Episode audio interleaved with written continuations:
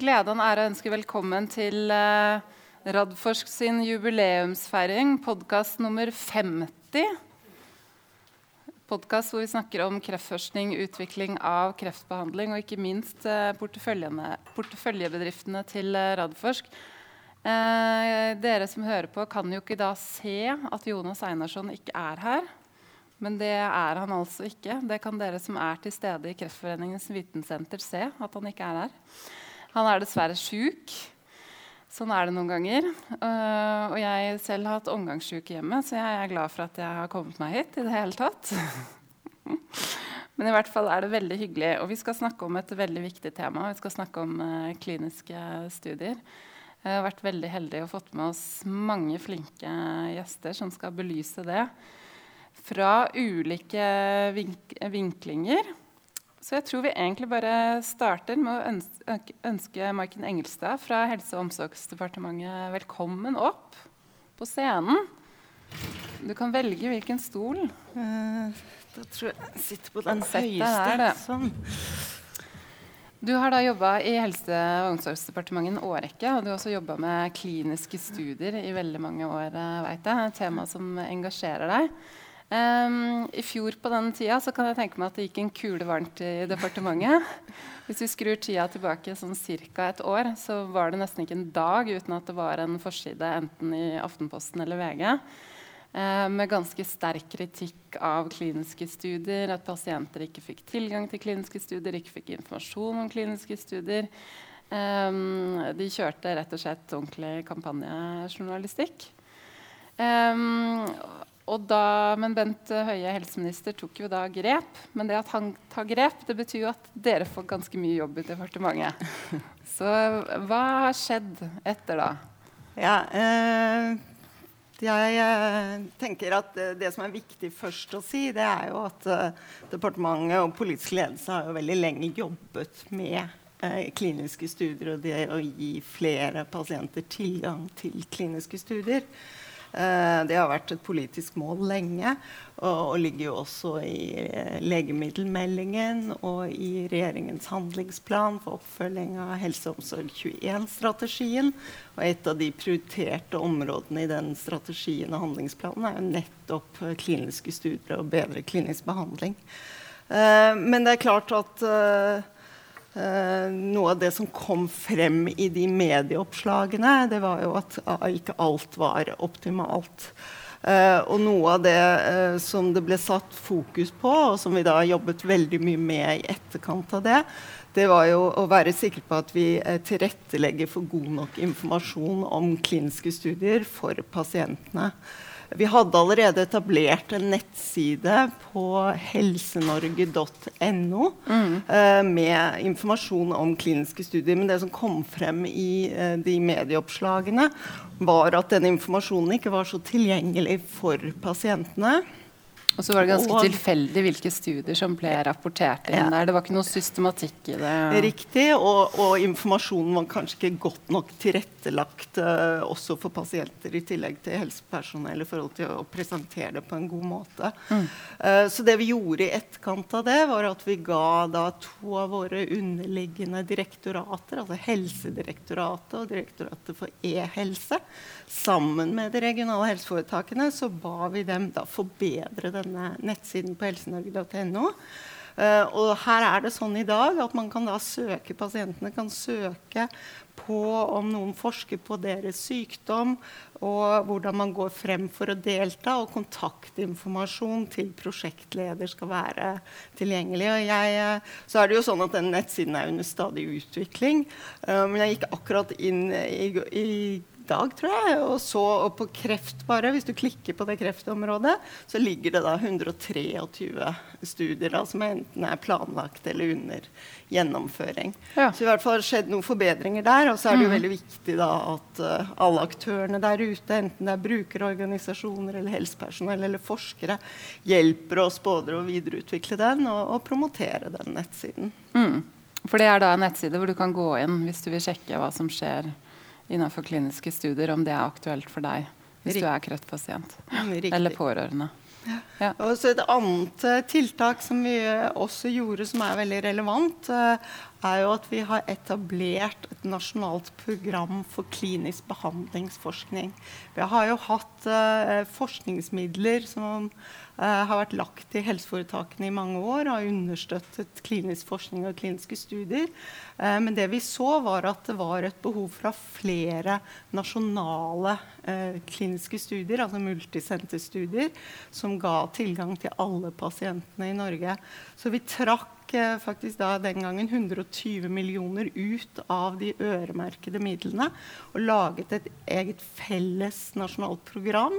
Eh, som da de regionale helseforetakene fikk i oppdrag rett og slett å, å eh, etablere og drifte. Og Der er kravet at man må ha med alle helseregionene for å få tildelt eh, midler. Og så er det jo også sånn at vi har tenkt at det er veldig viktig for å få flere stu kliniske studier at vi også måler hvor mange kliniske studier vi har, og hvor mange pasienter som deltar. Og man skulle kanskje tro at det vet vi, eh, men det fant vi ut at det vet vi ikke. Eh, så vi har jobbet i veldig mange år faktisk med å lage en database som har total oversikt over alle eh, kliniske studier. Og den fikk vi etablert i oktober 2016 etter faktisk ganske mange års arbeid mm. å få satt dem på plass. Uh, og litt av bakgrunnen for at vi ønsket den databasen, det var at vi ønsket å lage noen for det første måle, men også å gi noen økonomiske insentiver for kliniske studier og antall pasienter som deltar i kliniske studier. Nettopp. Vi har jo i dag, og det er sikkert mange som kjenner til det, et uh, finansieringssystem for forskning i helseforetakene, hvor noe uh, gis som et fast tilskudd, og så noe gis da basert på resultater. Og I dag så er det primært publikasjoner og doktorgrader og internasjonalt samarbeid som premieres. Men det vi ønsker å få inn der, er også en premiering både av antall kliniske studier og hvor mange pasienter som deltar. For vi tenker at det vil være et viktig signal og insentiv da, til å få flere kliniske studier. Mm. Når vil det bli innført? Ja, eh, Nå er vi allerede i gang, faktisk. Det ja, vi måtte gjøre, det, var, eh, det er ikke så lett å bare telle opp. Eh, da går det ofte galt hvis vi bare teller pasienter og kliniske studier. Så vi hadde nedsatt en arbeidsgruppe Eh, som da ble ledet fra departementet, men vi hadde deltakere fra alle helseregionene. De som jobber spesifikt med kliniske studier. Men også NIFU og Kristin og REC. Eh, hvor vi da jobbet for å utvikle en indikator som kunne treffe best mulig.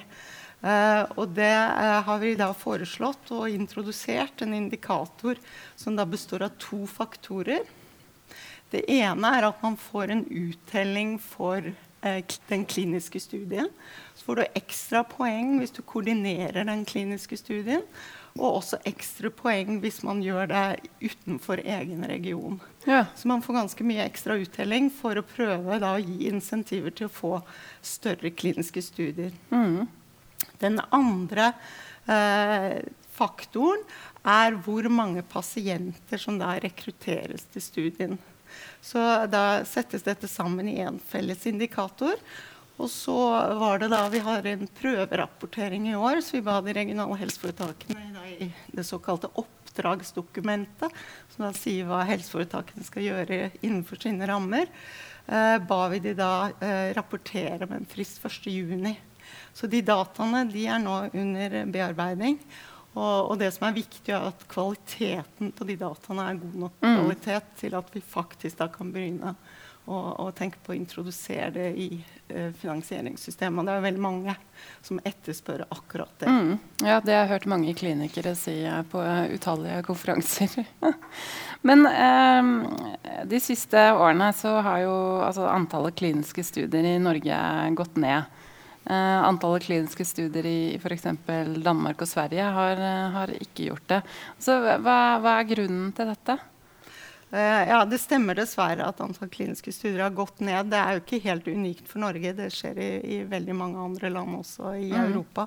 Og, og, noe av det som er pekt på, er jo at en del studier flyttes til andre land hvor det er enklere å rekruttere og billigere å kjøre kliniske studier. Eh, men eh, sammenlignet med de andre nordiske landene så burde vi absolutt være konkurransedyktige. Og jeg tenker at Vi har noen nasjonale konkurransefortrinn når det gjelder kliniske studier, både i Norge og i Norden. Eh, fordi vi har en veldig godt organisert helsetjeneste, vi har veldig høy kvalitet på forskningen vår. Og vi har altså nasjonale helsedata, og vi har mulighet til å koble dataene. Og, og vi har kvalitetsregistre som vi også kan bruke til å understøtte gjennomføring av kliniske studier. Så det uh, vi vel har tenkt fra, fra, helsemyndighetene, er at det som er viktigst for å bli konkurransedyktige, er det å legge til rette for god infrastruktur og veldig rask rekruttering av pasienter til kliniske studier. Og noe av det jeg nevnte med indikatoren og sånn, går jo på nettopp det å rekruttere. Men det vi har gjort også i forhold til infrastrukturen, det er at vi har da uh, i tillegg til da gitt styringskrav allerede i 2015 om at uh, helseforetakene, eller de regionale helseforetakene da skulle uh, styrke infrastrukturen på universitetssykehusene eh, inkludert eh, forskerpersonale, infrastruktur osv., så, videre, så har vi også etablert et nasjonalt nettverk. Eh, og ideen som vi kaller Norkrin. Og ideen med det nettverket var egentlig å få en sånn one stop shop for kliniske studier. Nettopp for å effektivisere gjennomføringen av kliniske uh, studier. Uh, og um, noe av det vi har gjort de siste årene, er at vi har koblet på en egen node da, for tidligfasekliniske studier. Og logikken bak det var at vi fikk mange innspill til departementet om at uh, hvis man får tidligfasestudier, så er det ofte sånn at også de senere-fasestudiene mm. blir kjørt uh, i samme land. Uh, det andre vi har gjort, er at vi har koblet på et allerede eksisterende nettverk med klinisk forskning for barn kalt NorPedMed, som vi også koblet til nettopp for å prøve å koordinere studiene innenfor, også innenfor barn. Og så er det også sånn at vi også jobber internasjonalt. Eh, også med nettverk. Norkrin er da koblet til et europeisk nettverk kalt EC Ekrin. Og vi har også brukt det som utgangspunkt for uh, å, å, prøve å etablere et nordisk samarbeid om kliniske studier. Det kaller vi Nordic Trial Alliance. Der har Norge vært veldig pådriver i det nordiske samarbeidet. Både for å etablere dette nettverket og også se på barrierer for nordisk samarbeid. Mm. Bl.a. Uh, etikkvurderinger som er pekt på som én barriere. Og så jobber vi mot WHO og eh, NIH og OECD osv. i andre prosjekter, og også globalt. Mm. Men vil det si at altså, Nå gjør dere mange ting, men hva, når kommer vi til å være fornøyd? Altså, det, det må jo gå oppover. Ja. Øh, og, og har, har, man liksom sagt at øh, ok, nå ser vi dette her annet år eller to eller tre, eller, så, men hvis ikke det går oppover, hva, hva skal man gjøre da? For Nei, det er ikke, øh, dette er jo ikke noe nytt på en måte. Uh, jo, jeg tror det er litt nyttig at vi lager insentiver og setter ja, det mye tydeligere på, på dagsordenen. Og jeg har veldig tro på det insentivet ja, i forhold til klinikere. Og, og det, som kan skje uh, når vi gjør det, når vi får data, så er det klart at det danner også utgangspunkt for å sette helt klare styringskrav. Mm. Kan f.eks. si at en viss andel av midlene skal gå til forskning, Eh, eller mer proaktivt at så og så mange pasienter skal delta i kliniske studier. Eh, av totalandelen. Eller man kan si at eh, det skal være en sånn og sånn økning i antall kliniske studier. Mm. Eh, og så kan vi også bruke tallene til å se på balansen mellom offentlig finansierte og privatfinansierte kliniske studier. Så jeg tror akkurat det å, å få tall eh, blir veldig viktig for å styre området og sette mye mer konkrete eh, tiltak. Så er det jo også sånn at eh, Eh, denne regjeringen i regjeringsplattformen har sagt at vi skal legge frem en handlingsplan for kliniske studier. Uh, og i en sånn handlingsplan så kan vi basert på den kunnskapen vi får, og, og, dialog med aktørene, også se om det er ytterligere tiltak vi kan gjøre da, for nettopp å være konkurransedyktige både med de andre nordiske landene og resten av Europa, i hvert fall. Mm. Men uh, når jeg snakker med folk på, på sykehuset, mm. så, så, og da snakker de mye om budsjetter. Det er jo ikke noe, noe nytt. Mm. Eh, men, men, da kommer det ofte noen ganger fram et bilde nesten av at de ikke har råd til å, til å, kjøre kliniske studier, selv om det viser seg at kliniske studier gir tilførsel av penger. Fordi ting går på ulike budsjetter, og så blir, ikke, blir det ikke satt i en sammenheng. Og det blir jo litt sånn uh, feil. For det, egentlig så er det jo pluss, men så på budsjettene så ser det minus ut. Hva, hva kan man gjøre da? Er det noe som dere ser på i departementet? Ja, akkurat hvordan man budsjetterer i sykehusene, det styrer vi ikke i detalj fra departementet. Men, eh, men, vi er veldig klar over den problemstillingen. Og jeg tror det viktigste vi har gjort fra både helsemyndighetene og politisk ledelse, det er at vi har uh, sagt, uh, og det er et ganske tydelig styringssignal, at kliniske studier er ikke noe du gjør på siden av alt mulig annet, men det skal være en del av det behandlingstilbudet som tilbys pasienter. Uh, det er, og, og, det er jo også sånn at både forskning og behandling er altså to av av eh, sykehusenes fire hovedoppgaver. Så jeg tenker at dette bør jo være veldig førende for sykehusledelsens prioriteringer eh, som da har disse og skal ivareta disse oppgavene. Mm. Og så tror jeg også at den utviklingen vi ser med persontilpasset medisin, eh, hvor forskning og behandling etter hvert integreres helt, mm. også vil kreve at man ser på dette på en helt annen måte, og ikke kan egentlig operere med ulike budsjetter og ulik tenkning, for da vil det være pasienter som sklir frem og tilbake mellom forskning og, og mer etablert behandling. Mm. Um, og så er det også sånn eh, Noe av det vi gjør da, for å understøtte det å få til bedre budsjettering, er at uh, vi i hvert fall i oppdragsdokumentet for i år så har vi bedt uh, da, de regionale helseforetakene om å lage en sånn noe som heter totalkostnadsmodell for eksternt finansierte forskningsprosjekter. Og, og, og egentlig det, hva det dreier seg om, eh, det er at man da gir en bedre oversikt over alle kostnadene ved et forskningsprosjekt. Og kanskje vil det også være et tiltak som kan bidra å synliggjøre eh, kostnader og, og, være med i, som et grunnlag i de budsjettdiskusjonene som er eh, på sykehusene. Mm. Og så En siste ting som dere har gjort, mm. er jo dette ekspertutvalget også. og Det også ser man vel for seg at det kan føre til økt tilgang av, av kliniske studier. Det er i hvert fall det som skjedde i Danmark når de etablerte det der. Hva tenker du om det? Mm. Eh, jo, absolutt. Eh, det ekspertutvalget er akkurat under etablering nå. Og det var jo også en direkte oppfølging av de medieoppslagene mm. hvor pasienter med, med veldig alvorlig helbredelig sykdom da, eh, eller livsforkortende sykdom da skal få mulighet til å få en, en, eh, ny vurdering da, i dialog med sin ansvarlige lege for om det finnes enten utprøvende eller etablert uh, behandlingstilbud, enten i Norge eller i utlandet. Mm. Så, og det ekspertpanelet det tror vi også vil kunne bidra inn på, på andre områder for å understøtte da, og vurdere potensielle kliniske studier, f.eks. Mm. Så bra. Tusen takk for at du eh, kom og delte alt dette her med oss, eh, Maiken. God sommer. Takk skal du ha. Da Ja, så flott. Et applaus. Da er det veldig hyggelig å hilse velkommen til Øyvind Kongstun Arnesen. Som er eh, administrerende direktør i Ultimovax og styreleder i Oslo Cancer Cluster. Og en gjest av podkasten, kan jeg tørre å si. Du har vært ja, med mange ganger i hvert fall. Dette er uh, tredje. Ja. ja. Så bra. Det er det.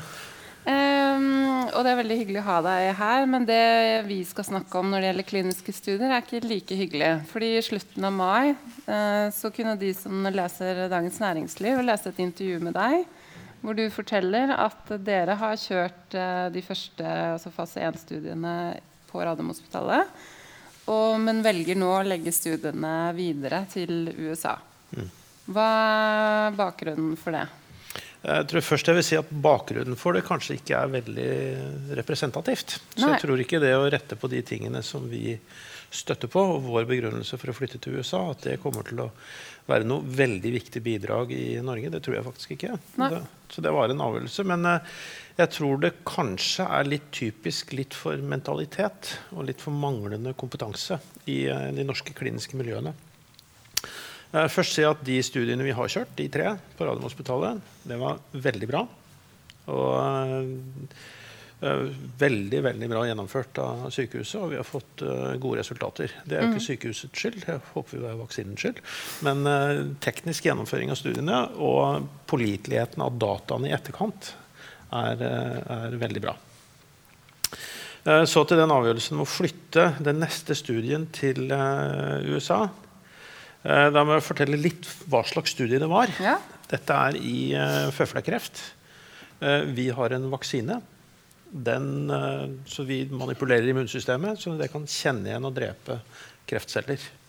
Hos de aller fleste pasientene som får sånne fine immunceller, så skjer ikke det. Mm. Og det er fordi at det er naturlige bremsemekanismer i kroppen som roer immunsystemet ned, og som bremser immunsystemet, og som er der for å sørge for at immunsystemet ikke, får, eh, ikke skader friskt vev når det blir aktivert. De er der. Og disse bremsemekanismene er det da de store firmaene ute i verden har laget medikamenter som skrur av disse bremsene. Og øh, gjør det mulig for immunsystemet å gjøre en jobb med kreftcellene. Mm. Så disse kombinasjonene, å kombinere vår vaksine som lager immuncellene, og så skru av bremsene så de immuncellene kan slippe til i kreftsvulstene, det er liksom selve hovedprinsippet. Eh, så skjedde det at eh, den ene av disse behandlingene er tatt i bruk gjennom en avgjørelse i Beslutningsforum, er i bruk i Norge. Mm. Og da skulle sykehusene ta det i bruk. Og det ble også sagt at eh, utgiftene sykehusene har til disse kostbare medikamentene, de er nå inne i sykehusenes budsjetter. Så sier vi supert, nå kommer vi, og så vil vi gjerne gjøre en kombinasjonsstudie. Disse pasientene ville da få denne PD1 eller checkpoint-hemmerbehandlingen uansett. Det var deres standardbehandling på sykehuset. Og så besto jo da den eh, kliniske studien i å gi vår vaksine i tillegg. Mm. Da kom sykehuset tilbake og så sa dere at uh, dere må også betale for den behandlingen som pasienten ellers ville ha fått. Men den skulle de jo ellers ha fått? Den hadde de fått helt uavhengig av om de var med i vår studie eller ikke. Uh, det syntes vi var Litt ugreit? Ja, Først så tenkte vi at det, var, det er veldig ugreit. Det er et eller annet som skurrer. Mm. Og så begynte vi å, så tenkte jeg men det, det, det, er en pussig uh, situasjon å stå i, egentlig. Én ting er at det skurrer, en annen ting er at vi hadde rett og slett ikke hadde råd til det. Uh, og så begynte jeg å sjekke litt rundt i verden hvordan dette var. For dette har vært diskutert altså, når man gjør en klinisk studie. Hva skal selskapet nå snakker jeg om industriinduserte, hva skal selskapet betale for? Mm. Eh, og så kom jeg over den tydeligste uttalelsen. Det var det amerikanske regelverket for dette.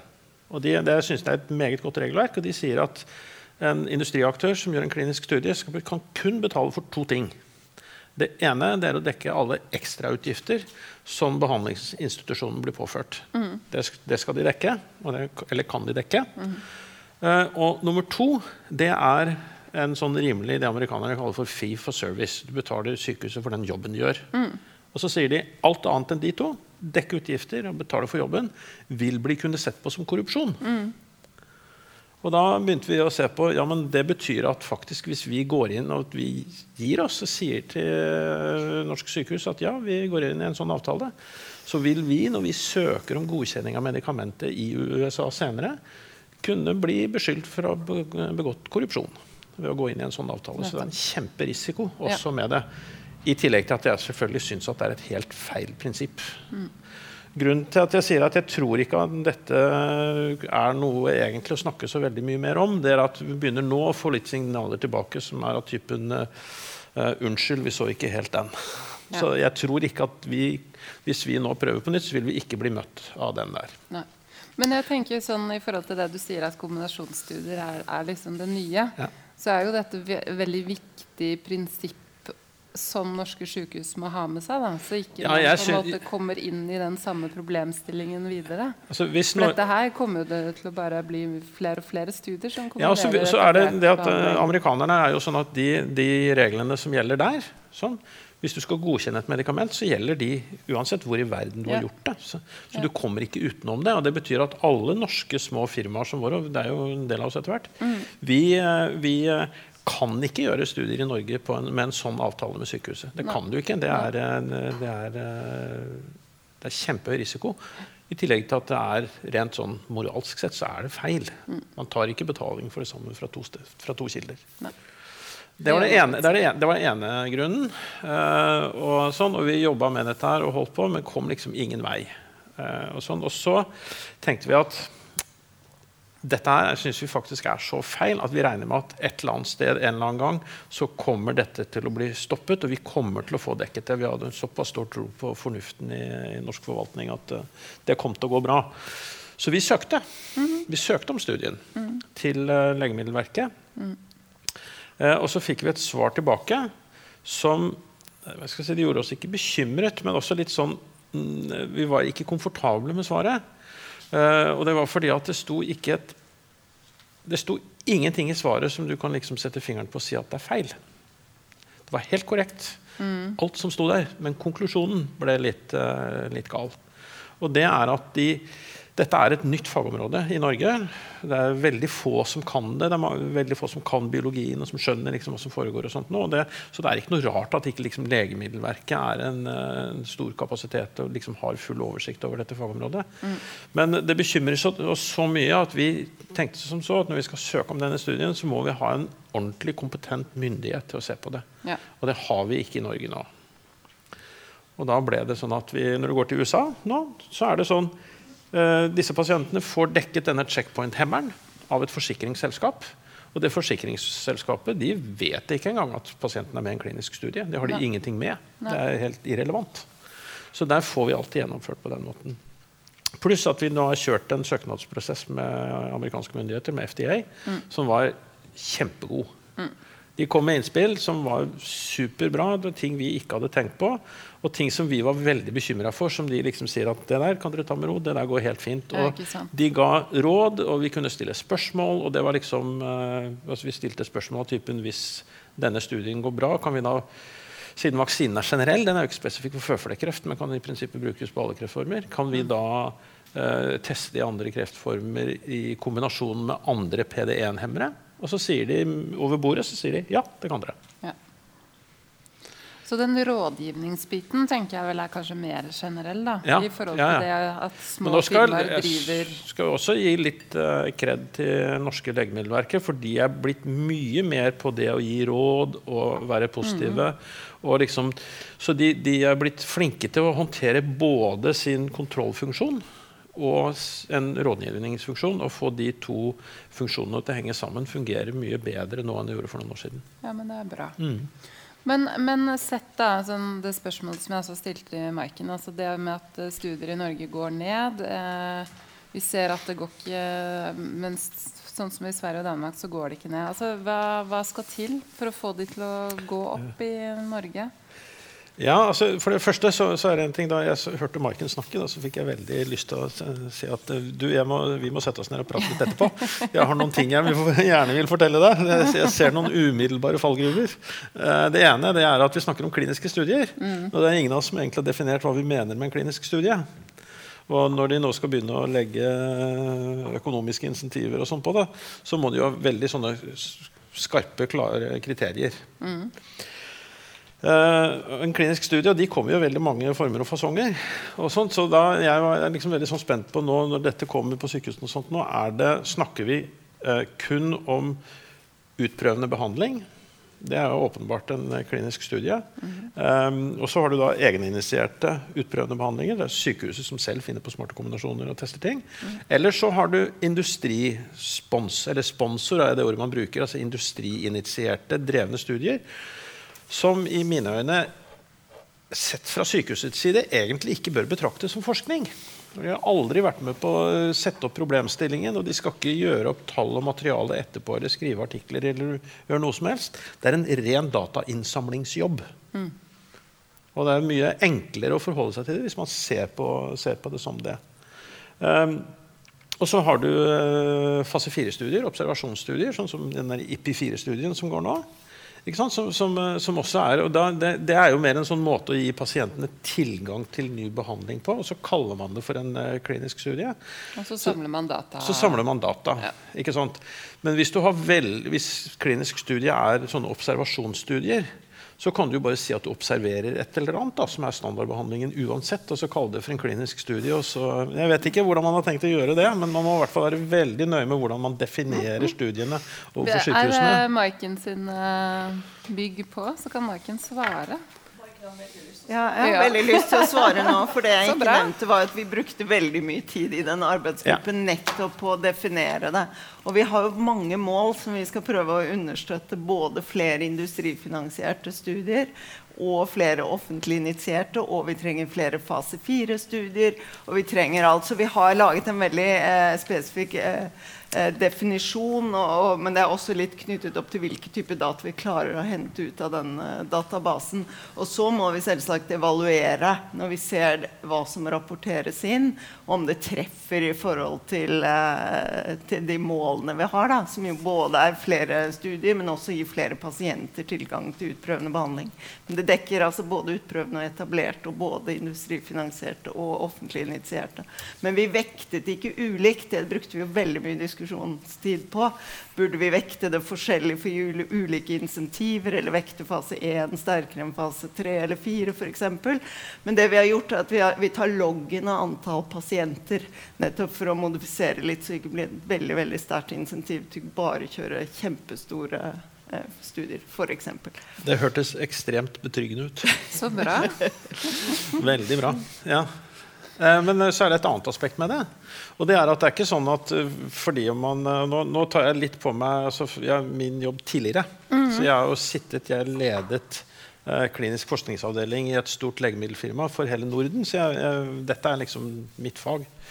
Og det, det, det, er jo sånn, den, den, det store slaget står egentlig internt i selskapene. Ja. For er in, i selskapene så er det jo en enorm kniving og konkurranse mellom land om å få studier til, til sitt nå land. Nå snakker du om de store, de store legemiddelselskapene. Mm. Og der sitter man jo og, sånn, og der, sånn at det å eh, på å si gjøre det greit og enkelt for en medisinsk direktør eller leder for klinisk forskning i et av de store firmaene i Norge. Gjøre det lett for dem i deres konkurranse på hovedkontoret om å få studiene til Norge. Det er et mm. veldig viktig poeng. Altså. Mm. Det, er det. Og det er de som er egentlig er nøkkelen. Mm. Det er de, de som sitter og avgjør hvor en studie skal gjøres. De sitter ikke på et kontor i uh, Norge. Nei. De sitter i uh, New Jersey og bestemmer. Mm. Ja. Jeg bare spørsmål. Blir det ikke flere og flere sånne multisite-studier? som foregår i flere land? Men flere og flere multisite. Jo, nesten, jeg vil si, altså nesten alle studier, i hvert fall fase 3, er multisite. Fase 1 er vanligvis bare på ett sted, for det er såpass få pasienter. og Da ser man kun på sikkerhet og, og dosering, finne riktig dose og sånt noe.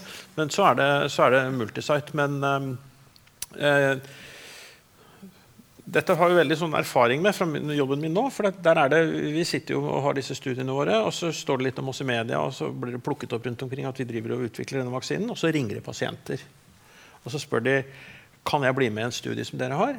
Og det er, svaret er nesten alltid nei. Det kan du dessverre ikke. Mm. Men så har vi sånn påtatt oss litt den der ekspertrollen. Så sier vi men eh, sånn fordi vi skjønner at du er fortvila, sånn, så vil vi gjerne hjelpe deg. Så vi skal prøve å se om vi finner en studie, for vi er gode på dette. Vi kan det, så vi har sittet og gjort det der masse og lett etter studier for pasienter. Mm. Og vi finner studiene, men de går jo aldri i Norge, altså. Er, eh, vi finner dem til og med i Sverige og i Danmark. Og så har det også sånn, og da prøver vi å sende pasientene. Uh, og sier at du kan gjøre det. Og så ringer jeg og snakker med studielederen i Uppsala. var siste sted jeg ringte, Og så sier de ja, nei, de vet ikke helt, for det er kommet krav nå fra etikkomiteen at uh, det informerte samtykket må oversettes til pasientens språk. Og det vet ikke helt om de orker å begynne. og sånt. Så det er noen sånne humper og praktiske ting i veien som man må få til hvis man skal kunne også skyfle pasienter. Men i min gamle jobb så hadde vi eh, svenske pasienter på site i Norge, og vi hadde norske pasienter som reiste til København. Og det der gikk helt knirkefritt. Vi hadde et mm. godt system på det der, men det er blitt, plutselig blitt mye vanskeligere pga. byråkrati. Altså. Ja. Altså Det å oversette et dokument fra svensk til norsk, det trenger man jo nesten ikke gjøre engang. spør du meg. Men, Nei, og så går det an å ha så mye respekt for pasienten og spørre pasienten skjønner du svensk eller norsk så godt at du klarer å forstå det der på en måte som gjør at du er i stand til å kunne ta et informert avgjørelse. Ja. Og så må pasienten kunne svare på det. Eller, ja, Ja. ja. Men det, det, det er litt opp til pasienten. Føler du deg godt nok informert nå til å kunne liksom si at du ønsker å bli med i studien? Sånn La det være opp til pasienten og ikke, ikke myndigheter.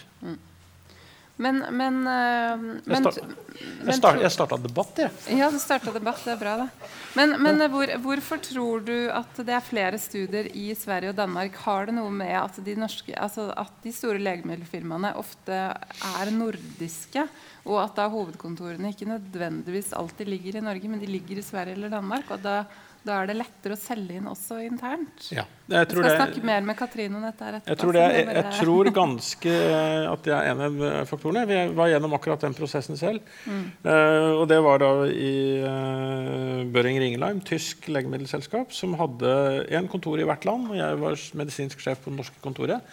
Og så bestemte de seg for en nordisk organisasjon. Og hvis vi da liksom ikke hadde tatt initiativet til å ha sagt at yes, men nå skal vi, skal vi bli nordiske For hovedkontoret han er jo i Stockholm. Men vi klarte å opprettholde kliniske sånn. Men det var, det var ikke på grunn av, altså det var på tross på av. tross av. Mm, Mm, Så det, ble, det var en veldig, veldig vanskelig jobb. Mens i et annet selskap som jeg jobba i, som var amerikansk, de organiserte nordisk, og da forsvant de kliniske studiene fra Norge. Så da var det, det stemmer det der veldig godt. Altså. Men der igjen så er det det der at du må ha noen sånne championer i selskapene i Norge som drar studiene hit. Nettopp. Men du, nå har du jo blitt uh, styreleder i, i Oslo Cancer Mm. Uh, og det er jo da en klynge som omfavner alt fra forskning til små bedrifter til uh, større bedrifter. Og, og det er jo også en klynge som har jobbet veldig mye med kliniske studier og liksom øke antallet. Eh, men da kan man du si uten at, uten at de har lykkes, da, nødvendigvis, eller om de eller andre aktører har lykkes med det. Er dette noe som du på en måte kommer til å ta ekstra tak i nå i, i eh, Oslo Cancer Cluster, eller eh, Så jeg har jo noen ideer Ja. om, om det. Og jeg er jo jeg er vel kjent for å være pragmatisk. Så jeg tror det er, liksom, nå er det litt sånn at man, vi må gjøre helt konkrete ting. Altså håndgrep. Ikke, ikke snakke sammen og bli enige lenger, men nå må vi gjøre det praktiske arbeidet. Eh, og så glemte du en veldig viktig gruppe som er medlemmer i Oslo Cancer Cluster. Og det er faktisk at alle de store helseforetakene er medlemmer i Oslo Cancer Det er Cluster. det. Absolutt. Kreftregisteret er medlem i der. Eh, Folkehelsa er medlem i Oslo Cancer Cluster. Eh, så hvis du titter rundt blant medlemmene, så vil du finne at den samlede kompetansen i hvordan man faktisk driver kliniske studier, så er det nok Oslo Cancer Cluster som har den høyeste kompetansen sånn sett i Norge på det. Og det er jo om å gjøre å organisere og begynne å lære opp disse, som, disse stedene som, eh, som eh, eh, helseforetakene nå skal bygge opp. De skal jo bygge kliniske utprøvningsenheter. Og det at man kan bruke fra Oslo Cancer Cluster Det er litt vanskelig ofte å dra det direkte fra enkelte industri, altså industriselskaper inn og gjøre det på sykehus. Det, det kan bli mye kilende eh, situasjoner. Men at Oslo Cancer Cluster gjør det, med Oslo Cancer Cluster-hatten på, det er fullt mulig. Vi kan bidra med det. Det er helt konkret. Ja. Hvordan driver man en klinisk studie, og hvordan tiltrekker man seg kliniske studier? Eh, og også si litt, også litt grann dette med sånn med tenkemåte rundt kliniske studier. For nå er det sånn at uh, sykehuset uh, går med på å gjøre en studie, og da skal de rekruttere pasienter til den studien. Så da har de en studie som leter etter pasienter. Eh, mange steder, særlig i USA, og MD Anderson i Texas er liksom foregangssykehuset på dette. De har snudd det på hodet. De har så mange studier gående, masse små og store studier, at når en pasient kommer inn på sykehuset, så stiller de spørsmålet hvilken studie skal denne pasienten gå inn i. Så da er det pasienter som leter etter studier, og ikke omvendt. Og de har, eh, hørte nå fra uni- universitetet OUS som sa at de hadde som formål at 5 av pasientene skulle være inne i kliniske studier. Eh, målet på MD Anderson er 100. Ja. Det er, Så det er en det helt, er litt, er en helt- annen verden. helt, helt annen måte å tenke på.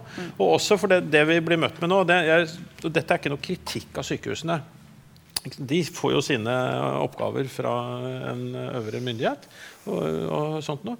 Så det er ikke det at de De har liksom ikke latt De har ikke brutt noen regler eller gjort noe galt for ikke å gjøre kliniske studier. De har gjort det de har blitt bedt om. Men de har bare aldri blitt bedt om å gjøre kliniske studier på en ordentlig måte. Det er liksom ikke blitt stilt noe krav om det. Så de sier at ja, men vi er så opptatt av å behandle pasienter at vi har ikke tid til å gjøre kliniske studier. Ja, men som uh, Maiken sa, kliniske studier er behandlingen av de pasientene.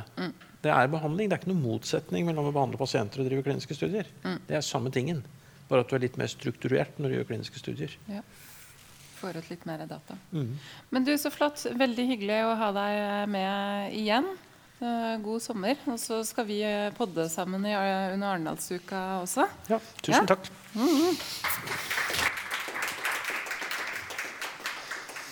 Da er det veldig hyggelig å hilse Heidi Glosli velkommen.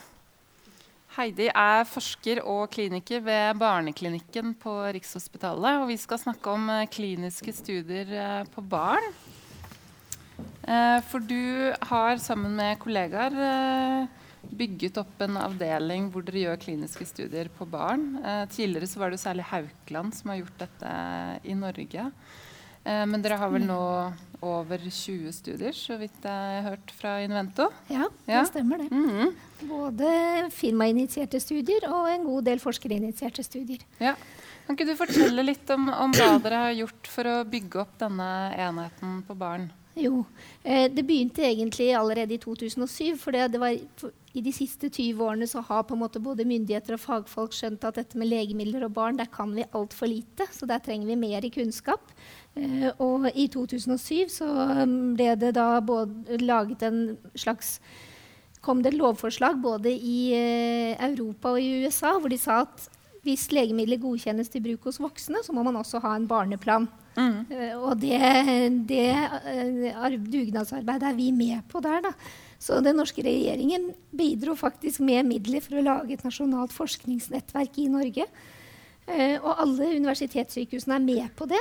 Og vi, så dette fungerer veldig godt. Og vi får, samarbeider også da med andre land i Norden, men også nedover i Europa. Så det, det fungerer veldig. Så ved Oslo universitetssykehus, der hvor jeg har vært med på satsingen, så begynte vi i det små. Da hadde vi et veldig personlig engasjement. Og så, så hadde vi en stor porsjon med pågangsmot, for det må man ha når man skal etablere noe nytt. Eh, og det var jo kjørt studier der før òg, men det var ikke satt i system på samme måte. Og man hadde ikke noe infrastruktur til å kunne håndtere disse studiene. Men det har vi fått på plass nå, da. Så eh, det vi gjorde, var at vi bygget oss gradvis opp ved å eh, øke kompetansen ved å kurse folk, lære dem eh, begynne å kjøre noen studier, så får du erfaring. Eh, og så er det veldig viktig at du leverer god kvalitet. For hvis du leverer Vi som kommer fra Norge, det er et lite land, vi har få pasienter. sånn at når vi først deltar i studier, så må vi være raske, rask responstid, og du må også ha veldig god kvalitet på den dataen du leverer.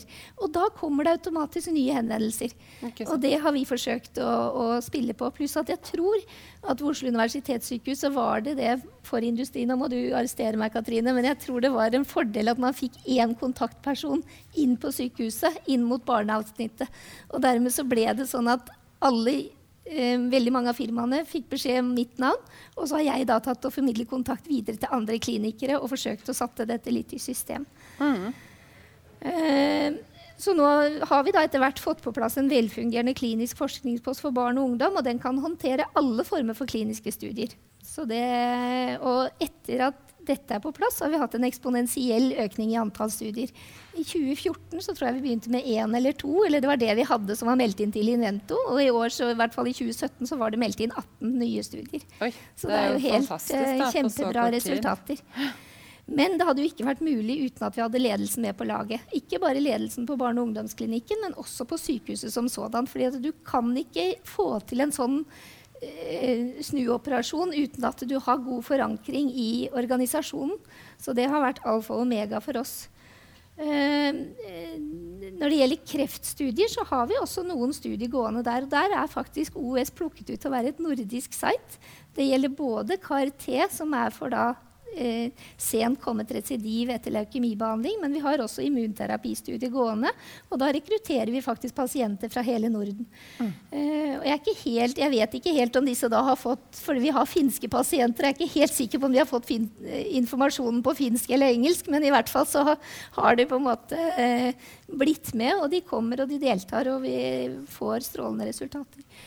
Når det gjelder den satsingen inn mot, eh, mot, kreft og barn, så har vi på en måte hatt veldig god hjelp av den utprøverenheten på Radiumhospitalet. De er jo etablert og har vært oppegående i mange år. og De har da stilt midler til rådighet, så vi har kunnet ansette en studiesykepleier i tre år for å kunne hjelpe til med dette med barnestudier. Mm. Og det har vært gull verdt for oss. fordi vi er jo ikke, Når du begynner som en liten organisasjon, så må du egentlig du, må på en måte, du kan ikke si at vi kommer til å gjøre sånn og sånn, så vi trenger de ressursene. Du får en liten pott med penger, og så må du bruke den så godt du kan. og så gaper du alltid over litt for mye, og så ja. må du strekke deg, så, og så må du følge etter. Da. Mm. Eh, så sånn er det. Eh, så vi har da immunterapi ved hjernesvulst, og så har vi da KRT mm, ved leukemi. Mm. Eh, når det gjelder barnekreft, så er vi egentlig veldig vant til dette med internasjonalt samarbeid. Og vi, du sier at liksom 5% av pasientene skal inkluderes i, i, i eh, utprøvende studier. Vi, vi, jeg tror så mye som 90% av våre pasienter er med og behandles etter internasjonale behandlingsprotokoller. Så bra. Så det er kjempebra. Det er mm. veldig, eh, så vi har på en måte, og vi er veldig vant til dette. Spesielt når det gjelder leukemi, så har man hatt et veldig god samarbeid innen Norden for å få fram gode behandlingsprotokoller. Og når det kommer til mer type sjeldne svulster, så må vi, må vi, samarbeide med resten av Europa. fordi vi ser ikke nok pasienter selv til å kunne utvikle behandlingen videre. Mm. Så her er det en stor grad av uh, internasjonal samarbeid, uh, skjønner jeg. Ja, definitivt.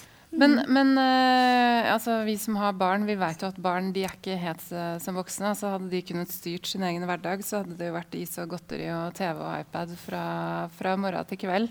Men um, hva er liksom bakgrunnen for at det er så viktig å ha kliniske studier på barn, og ikke liksom bare halvere voksenmedisinen eller kjøre sånn vekt? Ja, det er jo det at det er veldig viktig å huske at barn ikke er små voksne i denne sammenhengen. fordi barnekroppen er i konstant vekst og utvikling, og det må, må, vi ta hensyn til når vi utsetter dem for legemidler. Uh, og individer i vekst og utvikling er mye mer sårbare for uheldige effekter av legemidlene.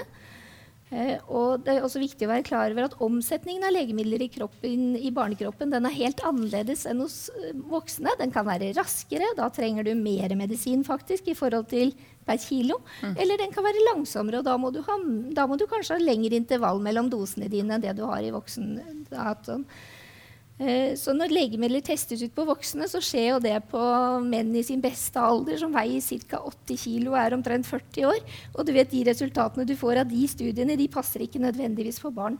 Mm. Så har du en utvik, utvik, ut, um, fordi tablettstørrelsen er jo også beregnet på disse voksne mennene. Ja. Og det passer jo heller ikke, så vi må kanskje lage formuleringer. Vi ønsker oss mikstur i veldig mange sammenhenger. Uh, vi ønsker oss sånne minimis og sånn, ja, sånn som det, at det er lett å få i barna, og at vi vet akkurat hvor mye vi gir dem. Mm. Eh, så det er veldig viktig at barn inkluderes i egne studier da, som er spesiallaget for dem, sånn at eh, vi kan stole på de resultatene, og at vi vet hva vi gjør når vi behandler barna med det. Mm. Uh, en annen ting som er veldig viktig, det er dette med oppfølgingsstudier. fordi vi vet ikke hva de legemidlene gjør med barnekroppen på lang sikt. Så det er utrolig viktig da at vi også går inn i fase fire-studier når det er introdusert nye legemidler, så vi kan følge med hvordan går det faktisk med disse på sikt. Mm. Og nå er det jo en god del legemidler som er pegulert. Og det vet vi jo ikke hva betyr. Vi tror jo Hva, hva sa du for noe? De er polyetylenglykol som er bundet til legemiddelet. Det kan være PEG asparginase f.eks. Eh, og du har det også på noen av de eh, hemofiliproduktene. Så er det pegulering som er gjort. Og man tror jo at det skilles ut, men man vet jo ikke helt sikkert. Nei. Så da må så, det følges opp. Ja, det er det. Så det er veldig viktig å gjøre. Mm. Ja. Men, men uh, hva tror du kan gjøres for å øke antall studier uh, på barn? Hvis du, hvis du, hadde vært Bent Høie for uh, Ja, ikke for en dag, for det holder jo ikke. Men for, noen, for et år, kanskje? det hadde vært gøy. ja, det hadde vært I hvert fall inn mot dette. Ja. Ikke, ikke, jeg vil ikke at hele pakken Nei, nei, du kan bare konsentrere deg om barnestudier. Først og fremst ville jeg ha tatt, tatt kontakt med fagmiljøet og så avtalt en møte med de. Det kunne vært Camilla Tøndel eller Thomas Halvorsen i, i, på Haukeland, som mm. har drevet med studiet lenge. Eller så kunne det vært meg. Jeg har jo også fått litt erfaring etter hvert. Mm. Så det hadde vært uh, moro. Og så ville jeg hatt økt, uh, økt fokus på dette med å øke kunnskapen om barn og legemidler. Eh, for det er et utrolig viktig tema. Og for å oppnå det så er det da viktig å lage robuste strukturer ved sykehusene. Jeg ville gjerne hatt en sånn slags klinisk forskningspost ved alle landets barneavdelinger. Fordi da hadde du hatt et likt tilbud til alle land i hele landet det er ikke alle studier som kan gå overalt, men i hvert fall sånn at man har muligheten til å kunne være med. Og noen studier passer for å ha på et lokalsykehus, f.eks. hvis det er med, med lungebetennelse, for eksempel, som de ser veldig mye av. Andre ting bør gå mer på et spesialsykehus, sånn som det vi har. For vi ser jo på OUS så ser vi jo veldig mye sære ting. Eh, og det er klart, da har du kanskje én pasient tredje hvert år, og det nytter jo ikke da. Og kanskje bør de også sende nordisk, noen av de som du på en måte ser så sjelden. Mm. Eh, og både klinikere og pasienter og legemiddelindustrien er jo interessert i at det skal utføres flere kliniske studier i Norge. Og som helseminister så ville det jo da være min, min, jobb å legge forholdene til rette, sånn at dette kunne se, skje på en god måte. Og så er det jo dette med at interessen for kliniske studier eller Internasjonalt så er det veldig stor konkurranse om å få studiene. Og hvordan skal vi da få dem til Norge? Jo, det er det der å være rask og gi god kvalitet. Fordi vi kan ikke selge oss inn på kvantitet, og da må vi gå på kvalitet isteden. Mm. Og industrien er villig til å betale for tjenestene, sånn at det trenger ikke bli noe stor utgiftspost for sykehusene. Men det man må, må, tenke er at man må tørre å satse, og så kan man kanskje da heller høste i ettertid. Mm. Og det På barneklinikken så har vi fått en veldig fin ordning. fordi når vi har gjennomført en legemiddelstudie, og det liksom er generert et kall det et overskudd, eller vi sitter igjen med noen penger, så deles det da for Barneklinikkens eh, forskningsfond får, eh, får, en del. Eh, hovedutprøvers forskningsfond får en, eh, en, del. Og så går resten til klinisk forskningspost for barn. Og da brukes det rett og slett til å bygge infrastrukturen videre. Så hvis vi får overskudd fra én studie, så kan vi da kanskje utvide studiesykepleier... Eh, funksjonen eller kjøpefri en lege for at han da kan få en ny, ny studie gjennom i systemet. Mm. For det er utrolig arbeidskrevende. Det er ikke, det er et møysommelig arbeid. Og det krever utrolig Dette er ikke noe venstrehåndsarbeid som du kan ta på toppen av klinisk praksis. Du må på en måte ha tid, og du må være petimeter for å gjøre dette riktig. Og du må følge lover og regler i punkt og prikke, for ellers det ikke, blir det ikke bra. Mm. Og når det gjelder kliniske studier og barn nå, så er det der har man jo gått inn i et internasjonalt samarbeid. fordi det er fint at barn er med i studier, men man må være sikker på at ikke de er med unødig. Mm. Ikke sant? At ikke ting dupliseres, og at man på en måte får gjort eh, når, når, studiene er gjort, så skal de publiseres, enten resultatene er positive eller negative. Det er mm. supert. Ja, det er kjempeviktig. Så, men dette er jo på en måte en form for næring, så det kan nok hende at jeg som helseminister også kunne snakke litt med næringsministeren.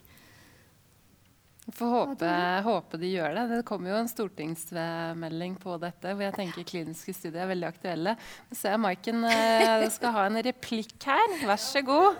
Det fikk jeg jo ikke sagt, men eh, vi er veldig opptatt av å få til mer eh, samarbeid med næringslivet om kliniske studier. Og det, nå er det jo en periode hvor vi har fått veldig mange innspill, og fremdeles er mulighet til å få innspill fra alle aktørene om hvordan man kan tilrettelegge bedre for samarbeid med næringslivet om kliniske studier. Og da tenker jeg den type eksempler som kom tidligere òg, med barrierer og ting som kanskje ikke har vært synliggjort for, er veldig viktig å få på bordet. Sånn at vi nettopp kan ta tak i utfordringene og, og, faktisk nå dette målet å få flere også industrifinansierte studier. Og dette blir jo et av de eh, temaene som kommer i den helsenæringsmeldingen, da, som blir en felles melding helse- og omsorgsministeren og næringsministeren. Så bra. Jeg, jeg ble veldig glad når jeg hørte du snakket i stad. fordi det er veldig viktig at denne type arbeid også premieres. fordi Tidligere så har det vært veldig mye det er liksom mye mer høyverdig å drive med akademisk forskning, og, og publikasjoner har vi talt i årevis. ikke sant? Men sånn som det var, dette er også et utrolig viktig arbeid. Eh, men det jeg ble litt skeptisk til når du sa, det var at du skulle begynne å telle pasienter. Jeg mener, Det å sette opp en studie på barn, da har du akkurat den samme jobben når det gjelder å sette opp. I voksne så står det kanskje 200 pasienter ledige og venter på å få komme inn. Og sånn som vi må lete etter tre pasienter. Og så hvis du vekter, Da må man liksom passe på hva det er man måler her. fordi vi kan aldri være like produktive sånn sett. da. Øyvind? Jeg kan si litt om akkurat det. for Vi gjorde det regnestykket i et av de store selskapene som jeg var i. Vi, hadde, vi, drev ikke med onkologi opprinnelig, så vi begynte med å gjøre onkologistudier. Og, sånn, og da regnet vi interne ressurser, hva som kreves for å gjøre en onkologistudie, sammenlignet med, med en antikoagulant, f.eks så er det seks ganger så krevende å gjøre en onkologistudie som å gjøre det. Det var det vi regnet med. Interne ressurser i firmaet, det var seks ganger for å gjøre kreftstudier. For det er veldig mye mer data.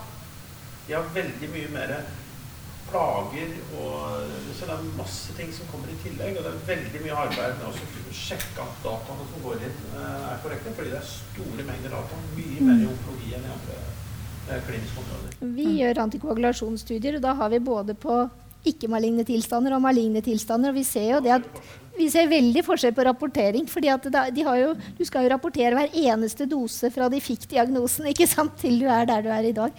Er det, mm. Ville du ha ord til? Ja. Den eh, indikatoren, for det er jo eh, der tar vi, For det første så tar vi da logg av det nettopp for å prøve å, å balansere litt de små mot de store studiene. Men det jeg tenker blir veldig viktig, er å evaluere denne indikatoren eh, og se har den denne indikerte, har den den eh, effekten det bør ha. Bør vi endre den? Går an å vekte veldig mye forskjellig. Hvis vi ser det går an å vekte Hvis vi har veldig få tidligfasestudier, så kan man bare legge til en faktor for det, f.eks. Eller vi ser det er veldig få barnestudier, så kunne man legge til det. Så jeg tenker det er veldig stort potensial for å bruke den type både målemekanismer og også insentiver hvis vi ønsker å styre det i en eller annen retning. Men, eh, men det er veldig viktig i utgangspunktet tror jeg, å ha gode nok data så vi faktisk vet hva situasjonen er. Og så kan man jo også hensyn til andre ting som kostnader og sånn, hvis det er viktig for å nå målet. Før jeg går, så er det én ting til jeg vil nevne. og det er at eh, I Europa så finnes det et akkrediteringssystem som heter ITCC. Det står for Innovative Therapy for Children with Cancer. Det er på en måte nå hvor vi og Haukeland kommer til å søke om norsk akkreditering. De har akkreditering i Danmark, Finland og Sverige, og vi syns ikke at vi kan være noe dårligere. Nei. Så da må vi bare håpe at norske myndigheter kan støtte den søknaden. Maiken nikker? Nei da.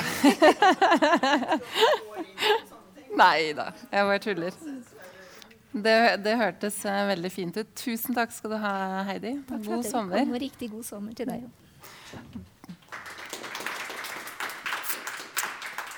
Da er det veldig hyggelig å ønske Katrine Bryne, seniorrådgiver i LMI, velkommen. Tusen takk.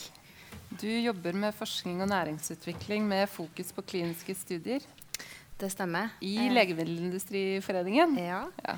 Men dere kalles jo bare LMI, da. Ja, det kalles, og det er litt sånn forvirrende når man sier man jobber i legemiddelindustrien, så sier man hvilket selskap. Ja. Eh, så vi, vi, går ofte med LMI. Mm. Rett og slett. Yes. Men du, eh, nå har jeg spurt det spørsmålet til flere her. Eh, stiller det til deg også. Hva, hva, tror du er grunnen til at antall kliniske studier i Norge går ned?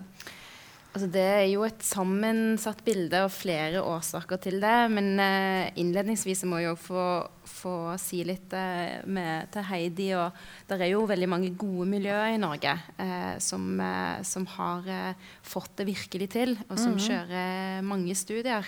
Eh, og Heidi er jo en, et eh, prakteksempel på det. Men det er jo flere grunner til at Norge taper i konkurransen i forhold til antall industrifinansierte kliniske studier, sånn som vi jobber med. og LMI var vel på Arendalsuka i fjor, eh, så lanserte Menon en rapport eh, på oppdrag av oss som viste verdien av eh, industrifinansierte kliniske studier. Mm. Og den viste at hovedgrunnen til at antall kliniske studier går ned, eller at det ikke er så lett å få kliniske studier til Norge, er at det er mangel, ressursmangler på sykehuset. Mm. det var på en måte hovedårsaken. Og det som òg var Det var jo helsepersonell nevnte jo òg det som på en måte grunnen. Så vi er veldig enige, både industrien og sykehuset, at det som på en måte er kanskje den største flaskehalsen, er ressursutfordringer på sykehuset. Mm. Men hva ligger i det, da? Ressursutfordringer? Det kan gå på alt fra infrastruktur i forhold til støttefunksjoner, lab, CT. Man var mm. inne på det tidligere i forhold til onkologistudiene blir mer og mer komplekse. De krever jo mer og mer fra sykehusene òg. Mm. Eh, men òg ikke minst altså personalet. Altså at utprøver må ha tid til å gjøre det. Man skal ha prosjektkoordinatorer som ofte hjelper utprøver med å fylle ut budsjett. og Eh, en veldig viktig ressurs for utprøver. Mm. Eh, og studiesykepleiere. sånn at det, litt sånn som Heidi sier, det er ikke å gjøre dette, det er ikke et venstrehåndsarbeid. Det krever ganske mye. Eh, både infrastruktur, ressurser og personale da, fra, fra, sykehusets side. Mm. Så man må tilrettelegge for det. Um, mye bedre altså, Man må på en måte sette det opp, eh, sånn at man kan gjennomføre det. Mm. Men en annen viktig, uh, som òg ble nevnt i den rapporten som LMI òg har påpekt i lang tid, som nå kommer fra, fra departementet og regjeringen, er jo dette med mangel på insentiver eh, og tellekanter. Mm. Man har ikke blitt målt på det å gjøre studier tidligere.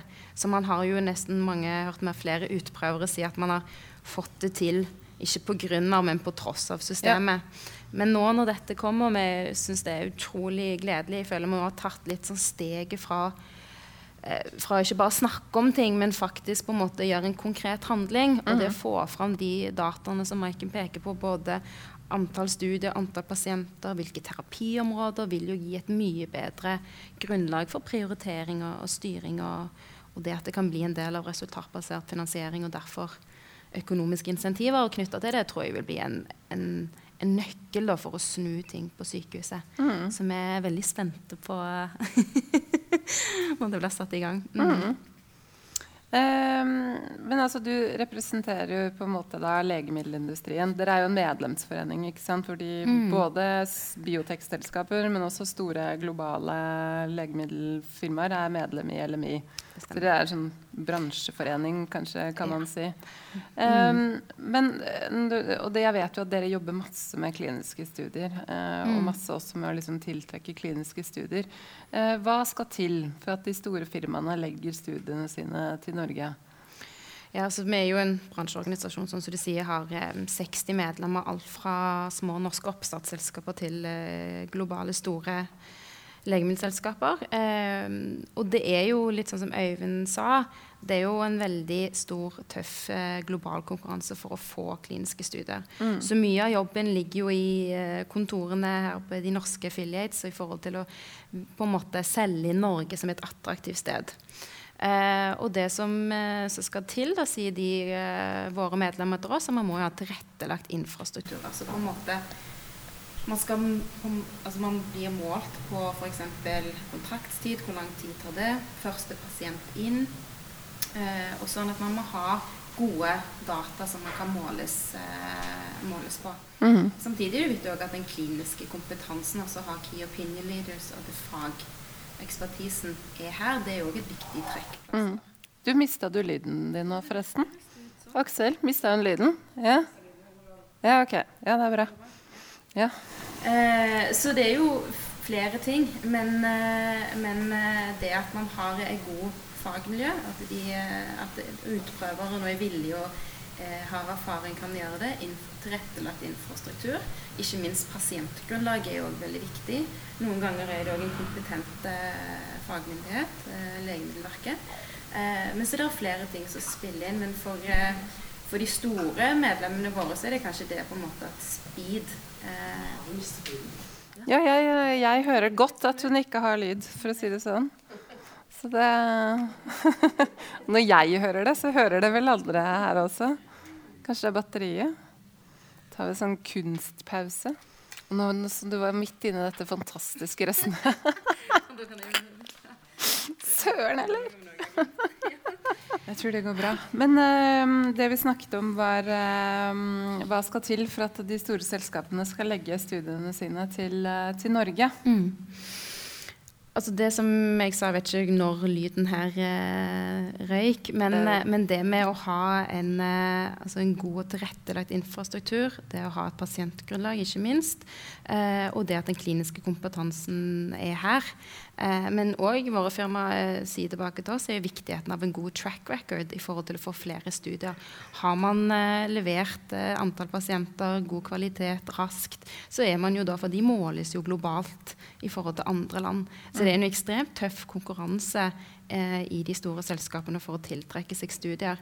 Eh, men så tenker jeg òg som eh, det med nordisk samarbeid i forhold til at den eh, utviklingen man ser i forhold til persontilpasset medisin, sjeldne sykdommer osv. At man får, Hvis man tenker nordisk, så har man jo pasientpopulasjon på nesten 30 millioner. Mm. Eh, og det at man kan, hvis man kan få til smidige at man kan sende pasienter på tvers av landegrenser, etikkomitéløsninger osv., så, videre, så vil jo det òg være at Norden som region er jo veldig attraktiv sammenlignet med UK og Tyskland.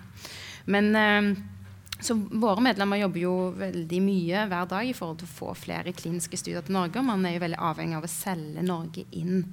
Eh, og vi har jo gode miljøer man kan selge i Norge. Eh, og flere er jo utrolig flinke. Men jeg tror jo òg litt sånn skal vi få til en en økning, så må vi ha flere gode miljøer. Flere mm. typer utprøvningsenheter på Radiumhospitalet og Haukeland. Altså man må bygge opp eh, de.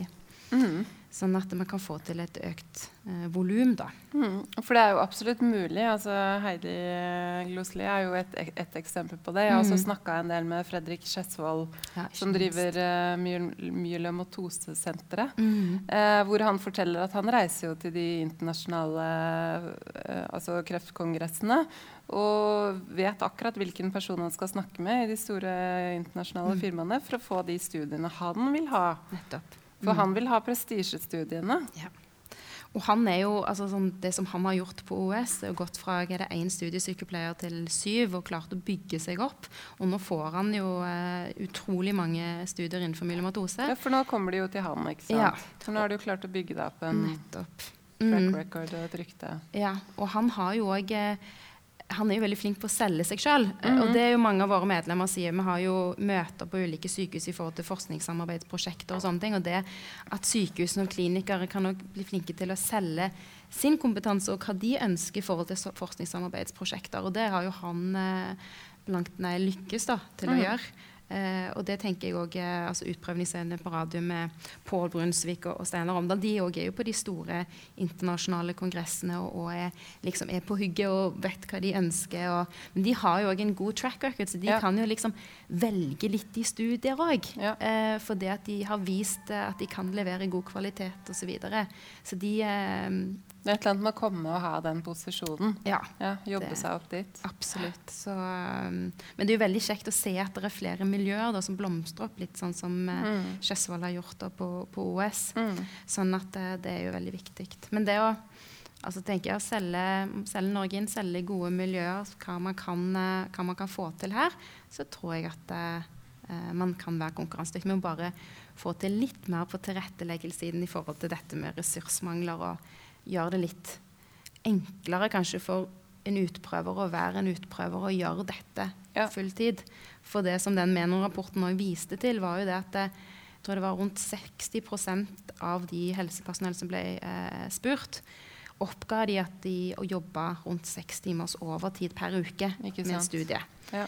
Og da tenker jeg at Hvis du skal få det til på toppen av uh, vanlig klinisk praksis, og så er det jo noen ildsjeler som klarer å få det til. Mm. Men skal du på en måte ha et bærekraftig system og få yngre leger interessert i dette og, og bygge det opp, så er kanskje ikke det Måten å gjøre det på? Nei, da må ja. man kanskje få til litt sånn som Maiken er inne på, kan man integrere det som en del av uh, vanlig pasientbehandling. Mm.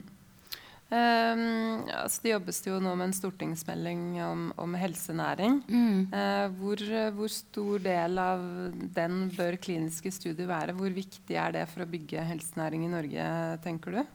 Altså det var jo sånn som uh, Maiken også sa, Den stortingsmeldingen på helsenæring er jo et, et, kjempesteg i forhold til å få at helse er noe, et, et næringspolitisk satsingsområde som vi har jobba veldig mye for.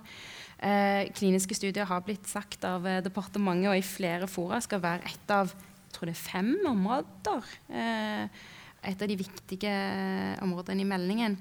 Og, og, kliniske studier i forhold til det å, å bygge næring er jo et veldig altså, du får jo ikke et produkt, du får ikke en markedsføringstillatelse for et produkt uten at du har gjort kliniske studier. Så det er en del av verifiseringen og, godkjenningen. da. Mm. Eh, du kvalitetssikrer det.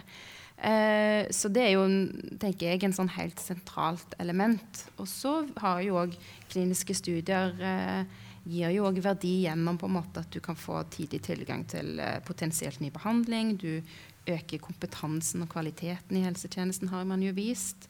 Eh, det genererer sysselsetting. Eh, og du ser jo at de selskapene som har mye kliniske studier i Norge, har jo òg en, en, større medisinsk avdeling i forhold til mm. arbeidsplass og den type ting. Så det er jo en mange spin-offs. Eh, Veldig mange spin-offs. Eh, og ikke minst i forhold til at eh, man kan få flere studier, både industrifinansierte studier, men også ikke minst egeninitierte studier og akademisk forskning. som man på en måte det er veldig mye pluss, veldig mange positive aspekter da, med mm. å, å, øke antallet studier. Så vet jeg òg at det har blitt masse innspill, og vi har hatt veldig god dialog med, med begge departementer i forhold til uh, hva som skal til. Så jeg uh, hadde, når jeg forberedte meg til dette Man må jo si at det, denne regjeringen har gjort veldig mye. Altså på en måte av strategier, rapporter og tiltak. Mm. Um, og så nå er det liksom det på en måte å gå fra gå fra på en måte det politiske tiltaket og ambisjonen ned på litt sånn konkrete handlinger, som nettopp den eh, indikatorrapporten har, har vist. Og på en måte hvordan skal vi operasjonalisere eh, det som ligger på det på en måte politiske nivået. Mm. For det er jo ikke noe uenighet. Det er jo tverrpolitisk enighet om å øke kliniske studier. Alle vil jo. Ja, og, Men noen ganger så er det litt sånn at når alle vil det, og alle er så enige, så ja. Nei, men vi må få Så blir det ikke gjort. For det, Nei, ja. så vi, skal, vi fortsetter jo å legge trøkk, og, og vi er veldig spente på på den helsenæringsmeldingen som kommer. Og mm. ikke minst òg så ble det jo lansert i Jeløya-plattformen til den nye regjeringen nå. Eller ikke så ny, men der mm. skal det jo komme en Utvidet, har jeg lært meg. Ja, utvidet.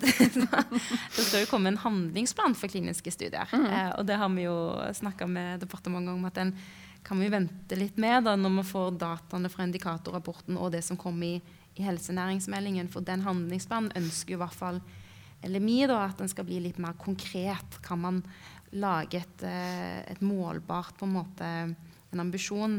Kan man si, sånn som du var inne på, tall. Altså, ønsker en økning så og så mange studier. Mm. Og så lage en plan. Hvordan skal vi få det til? Hvilke mm. aktiviteter, hvilke tiltak? Litt mer på det.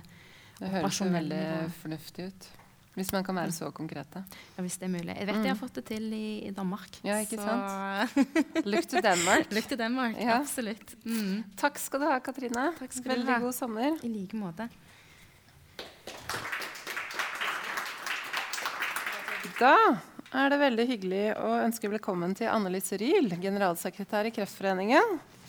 Det er alltid veldig rart å ønske velkommen til deg når vi sitter her, for dette er liksom ditt sted. Men, Men det er veldig hyggelig å være her. Mm. Forandring, så setter jeg meg her. Ja, ja, gjør det. Rett og slett. Mm. Eh, da har vi snakka om kliniske studier fra veldig mange ulike vinkler. Mm. Men da eh, må vi snakke litt om, om pasientene. Mm. Hvor viktig er kliniske studier for kreftpasienter? Utrolig viktig. Eh, men aller først vil jeg si at eh, det som er viktig, er jo at pasienter også ønsker å være del av et klinisk studie. Eh, vi har snakka litt om pasientgrunnlag og andre ting. og Da er det iallfall viktig å vite at i Norge som i mange andre land, så er pasienter utrolig opptatt av å kunne få være med i et, uh, i et studie. Mm. Og det er både for at det kan gi håp sjøl, hvis du, du, opplever at er det mer behandling, hva finnes, hva kan gjøres, så kan det være både betryggende, uh, og det kan gi deg et, et, håp om at du kanskje blir, om du ikke blir kurert, så i hvert fall at du uh, kan leve med sykdommen lenger. Men det er ikke bare det. Man er også opptatt av det sett ut fra at kommende generasjoner skal kunne få bedre behandling enn du sjøl uh, mm har. Uh, en stor at, grad av altruisme ja. der, faktisk. Ja. -hmm. jeg tenker at Det er viktig at man kan legge det til grunn.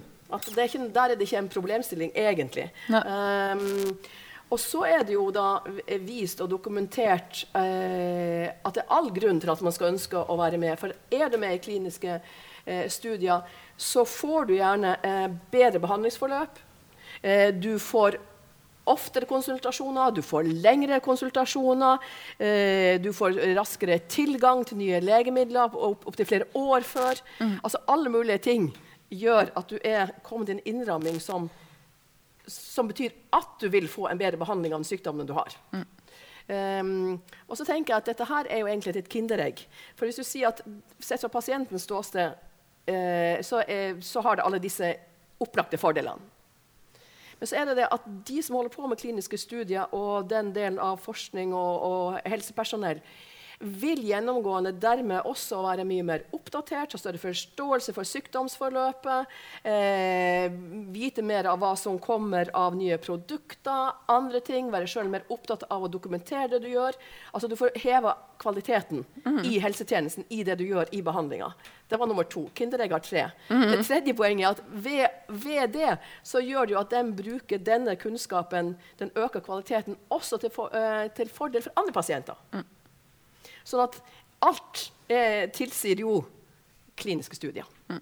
Eh, og ut fra det så, så eh, henger jo jeg og vi oss litt opp i dette hvor mange skal få lov å være med i, i studier. Jeg er superglad for at vi nå skal begynne å få dokumentasjon på å finne ut eh, og, rapportert inn hvor, både hva som finnes av studier, og hvor mange som er med, så vi i hele tatt kan få en eh, prosentandel på per i dag hvordan er situasjonen. Mm. Um, nå ble det jo sagt at det var rundt 5 noen plasser, og er det fint? Jeg syns ikke det er bra nok. Eh, I USA så er det vel i hvert fall én av fem. Mye bedre. Er det bra nok? Nei. Jeg har hørt at når det gjelder barn, så roper det 90% Yes! Uh, målet må jo være at uh, om du ikke klarer å inkludere alle, så må jo tanken være at uh, behandlingen av en sykdom med et klinisk studie er to sider av samme sak. Mm. Og vi må komme dit ut fra de andre Kinderegg-betraktningene mine. Mm. Uh, vi har en vei å gå, men det høres ut som vi er ganske enige om veldig mange ting. Mm. Om hvor skoen trykker, hvorfor den trykker, og, og, og, ulike ting vi må gjøre for å komme dit. Mm. Um, Maiken var jo her og fortalte om da, de grepene som de gjør nå. Det er ganske mange, mm. mange, ting de har tatt tak i nå, både i regjeringen og i departementet de siste årene. Um, er dere enig i disse tiltakene? Vi er absolutt enige, for vi har jobba for dem og vært også ansvarlig for at mye av det er kommet i media, som igjen gjorde at det skjedde noen ting. Uh, så vi tilskriver oss om ikke akkurat litt av æren og litt at vi har mast i mange år. og Pek til Danmark, pek på mulige måter å løse det. Så, og når det er sagt, så er vi jo derfor superglad for at ganske så mye gjøres nå. Mm. Så vi er jo i, skrittvis på vei til uh, en, noe som er mye bedre der, der fremme. Mm. Uh, og så vil det selvfølgelig ta litt tid. Men det er jo ganske oppsiktsvekkende at man, uh, så mange som holdt på med kliniske studier, ikke rapporterte det inn engang. Mm. Uh, uforståelig for de fleste. At mm. vi har får et system hvor man blir tvunget til at det blir automatikk i det. Yes. Mm. Det at du får opp informasjon om dette også i et forståelig språk, sånn at også pasientene sjøl ikke bare avhenger av at legen sier 'jeg har tid, jeg skal lete og finne ut av det', men at du kan ta liksom litt egenregi på det. Mm. Utrolig viktig. Og, og, og, så, og, det å få dokumentasjon på eh, hvor mange er det som er med i studiene allerede. Også alle disse Eh, som flere har snakket om. altså infrastruktur må på mm, plass mm, mm. i en helt annen grad. Eh, mer ressurser. Eh, du må ha ulike incitament. Det må være kult, og du får, må få kreditt og føle at dette her er like viktig som andre ting du forsker på. Eh, det burde egentlig ikke bare være like viktig, det burde være viktigere. Eh, på mange måter. Så, sånn at eh, det skjer mye, heldigvis. Så jeg tenker at alle vi må både applaudere det, og sånn som iallfall vi i Kreftforeningen vi prøver både å påpeke det, men vi prøver jo å bidra sjøl òg. Mm. Så vi bidrar jo med midler til å frikjøpe leger, andre ting på infrastruktur og sånn, fordi vi ser at sett fra igjen pasientens ståsted, så er dette så utrolig viktig. Mm. Så det var altså da en, som alle andre en applaus på at vi er, vi er på vei. Mm. mm. Absolutt. Um, dere er jo også, altså Kreftforeningen, uh, veldig engasjert i, i, det med å bygge en helsenæring mm. i Norge. Hvordan kobler du dette opp med, med kliniske studier? Sånn som, du, uh, som, det allerede er sagt, så er jo det en, en, viktig del av det, selv om det ikke er he hele biten av helsenæring. Og vi har jo også spilt inn til denne, denne meldinga som skal komme av ymse kanaler. Så jeg er sikker på at vi har gitt vårt syn allerede ti ulike veier inn. Eh, og en da har de fått det med seg, i hvert fall.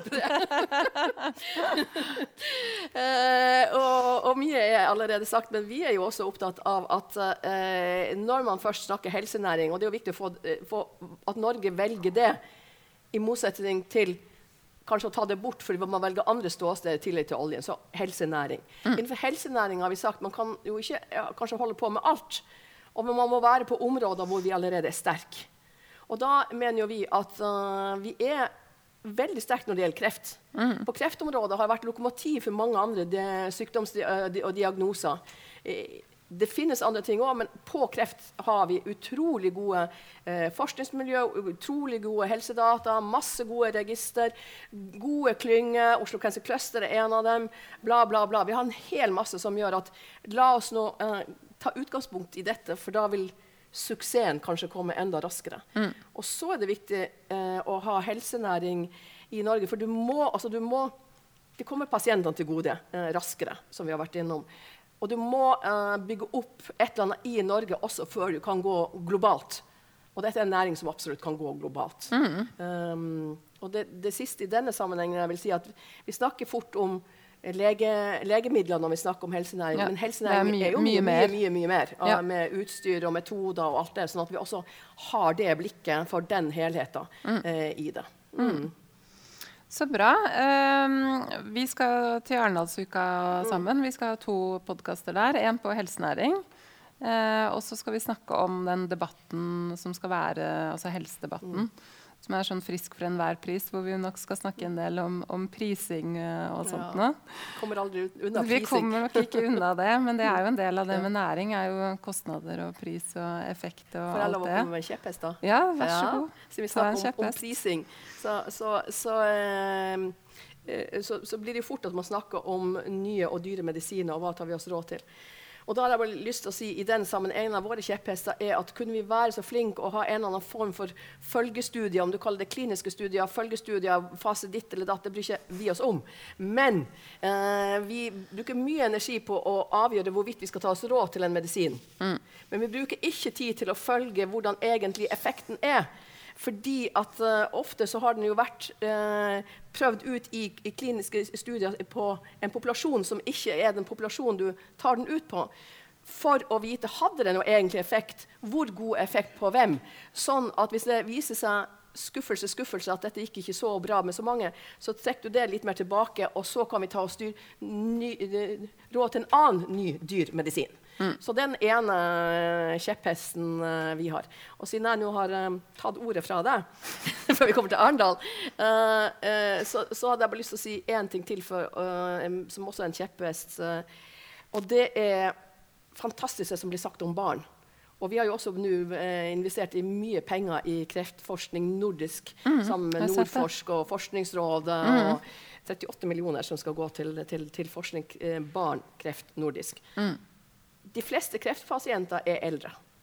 De fleste eh, kreftpasienter er over 70 år. Mm.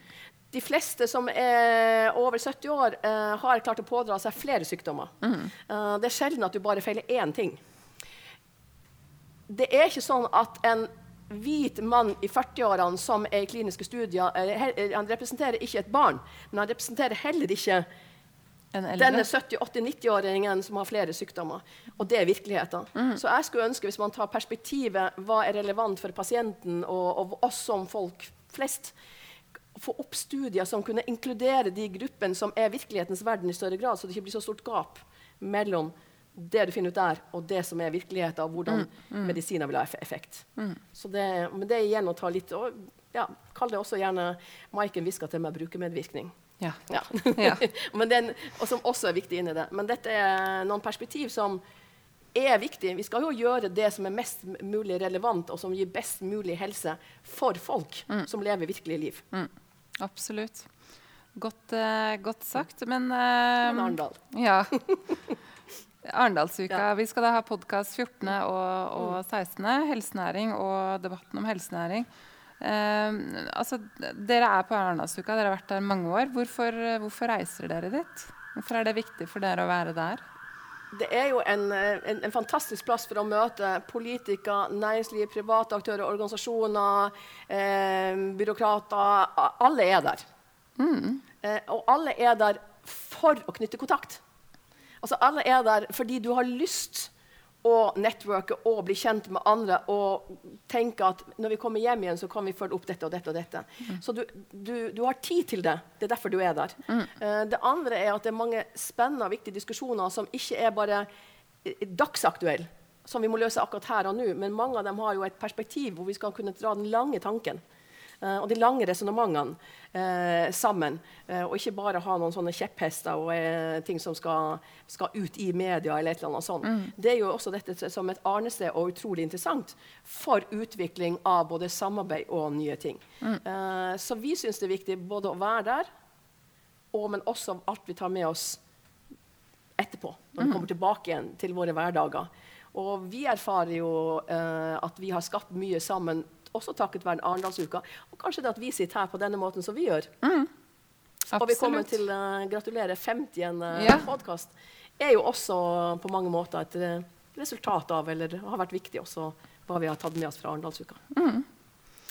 Takk for det. Eh, og da siden det er ikke bare er det podkast nummer 50, men vi har et par gutter her som har vært med og bygd opp denne podkasten i Ragnarok. Og de skal forlate oss, for nå er de ferdig med 13 års skolegang. Aksel, kom opp hit, da. Så må ikke jeg miste den her. Du, på vegne av gutta må du ta den. Og så må dere gå ut og spise god mat og kose dere.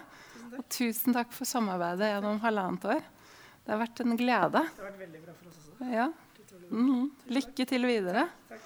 Stor applaus til Ragnarok. Yes. Da tror jeg vi sier god sommer, folkens. Takk for nå. Tusen takk.